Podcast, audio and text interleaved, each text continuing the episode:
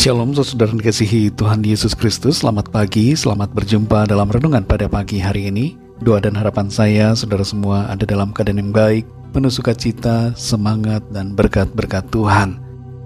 Sebelum kita mendengarkan renungan firman Tuhan Mari sama-sama kita berdoa. Bapa kami yang sungguh sangat baik Bapa dalam nama Tuhan Yesus Kristus Allah pencipta langit dan bumi ini Kami mengucap syukur untuk berkat-Mu. Pagi ini kembali kami ada kami boleh bangun, bernafas, semua itu karena kemurahan Tuhan. Kami percaya ada rencana Tuhan yang baik yang Tuhan sediakan bagi kami. Pada saat ini kami mau mendengarkan sabda firman-Mu, jamah hati kami Tuhan, dan berikan pengertian untuk memahami akan maksud dan kehendak-Mu bagi kami. Dalam nama Tuhan Yesus kami berdoa. Haleluya. Amin. Saudara dikasih Tuhan, pembacaan Alkitab kita pada saat ini terdapat dalam surat Roma pasal yang ke-12. Saudara dapat membacanya secara pribadi setelah mendengarkan renungan ini. Saya akan membaca Roma pasal 12 ayat yang ke-12. Tertulis demikian. Bersukacitalah dalam pengharapan, sabarlah dalam kesesakan, dan bertekunlah dalam doa.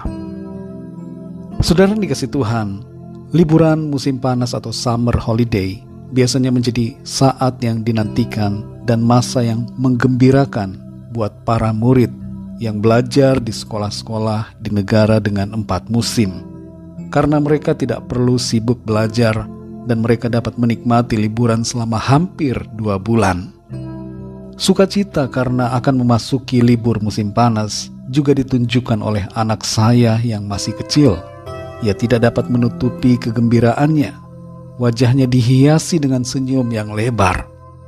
Dalam hidup ini, saudara, ada hal-hal yang membuat kita bersuka cita, seperti misalnya kelulusan, diterima bekerja, mendapatkan promosi, dan berbagai hal lainnya. Sukacita semacam ini tentu tidak salah. Kita patut bersuka cita dan bersyukur karena hal-hal yang seperti demikian terjadi dan dianugerahkan Tuhan dalam hidup kita. Namun demikian, saudara, ada satu sukacita yang juga hendaknya kita miliki sebagai orang-orang beriman. Sebuah sukacita yang tidak akan dipengaruhi oleh keadaan, sukacita yang tidak tergantung pada situasi, yaitu sukacita dalam pengharapan. Dalam Roma 12 ayat 12 ini tertulis, Bersukacitalah dalam pengharapan, sabarlah dalam kesesakan, dan bertekunlah dalam doa. Sukacita yang sejati akan membuat kita mampu mengatasi berbagai persoalan dan masalah dalam kehidupan. Sebaliknya, kalau kita tidak memiliki sukacita yang sejati, yaitu sukacita dalam pengharapan, kita akan larut dalam kesukaran-kesukaran yang ada, dan kita menjadi terintimidasi dengan berbagai problema.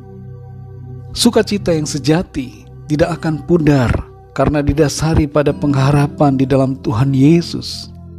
Sukacita kita ini merupakan sukacita yang disebabkan karena Tuhan, dan sukacita ini memberikan kita kekuatan untuk menjalani hidup dengan penuh semangat.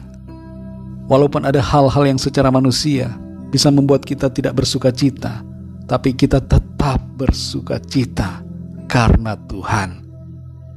Rasul Paulus mengalami berbagai kesukaran dalam pelayanannya, dan itu juga ia sadari dialami oleh orang-orang percaya di Roma. Namun, dalam menghadapi semua tantangan itu, Rasul Paulus memberikan kunci untuk menghadapinya dengan kekuatan dari Tuhan. Kunci kekuatan untuk menghadapi berbagai kesukaran ini adalah sebagaimana tertulis dalam ayat ini, yaitu pertama, bersuka cita dalam pengharapan. Latih diri kita, saudara, untuk tidak mendasarkan sukacita pada keadaan, melainkan di atas pengharapan pada Tuhan, sehingga kita dapat tetap tersenyum, tetap bersemangat, dan tidak putus asa dalam menjalani kehidupan ini. Yang kedua, saudara, bersabar dalam kesesakan. Kesesakan di sini berbicara tentang berbagai kesulitan atau kesukaran yang ada tidak seorang pun di dunia ini yang bebas dari masalah. Kita semua punya masalah kita masing-masing yang orang lain tidak tahu, dan orang lain punya masalahnya sendiri yang sering kali kita juga tidak tahu. Mari saudara dalam setiap persoalan itu bersabarlah menghadapinya. Sabar merupakan wujud iman kita bahwa Tuhan sedang bekerja dalam segala keadaan untuk kebaikan kita. Yang ketiga, saudara, bertekun dalam doa. Jangan merasa doa-doa kita sia-sia dan tidak berguna setiap doa yang kita naikkan tidak sia-sia, dan itu menambah kualitas ketekunan kita, serta membentuk diri kita menjadi semakin kuat dan semakin mengasihi Tuhan. Pada saat yang Tuhan sudah tentukan, kita akan menikmati jawaban doa yang indah pada waktunya. Mari saudara yang dikasih Tuhan, jalani hidup ini dengan tiga hal ini. Bersuka cita, bersabar, dan berdoa. Tuhan Yesus selalu beserta dan menolong kita. Mari kita berdoa saudara.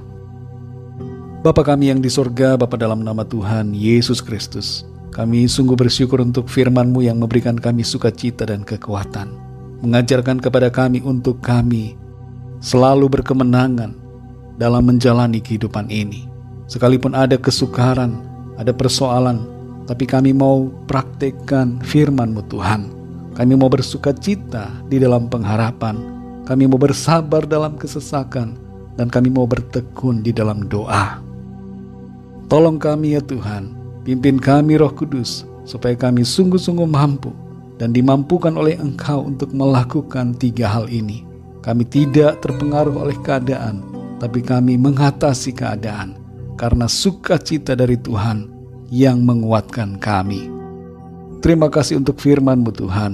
Teruslah berbicara kepada kami Roh Kudus dan berikan kami pengertian demi pengertian serta kemampuan untuk berjalan dalam kebenaran-Mu. Berkati kami Tuhan di sepanjang hari ini dalam segala aktivitas kami. Pimpin dan sertai kami selalu ya Tuhan. Kami berdoa bagi yang sakit dan dalam pergumulan agar Tuhan menjamah, menyembuhkan, memberikan jalan keluar dari setiap persoalan. Terima kasih Bapa. Kami mengucap syukur dan serahkan semua ke dalam tangan-Mu. Kami percaya kami alami kemenangan, kami alami sukacita dan berkat-berkat Tuhan. Dalam nama Tuhan Yesus Kristus, Tuhan dan Juru Selamat kami, kami sudah berdoa dan mengucap syukur. Haleluya. Amin.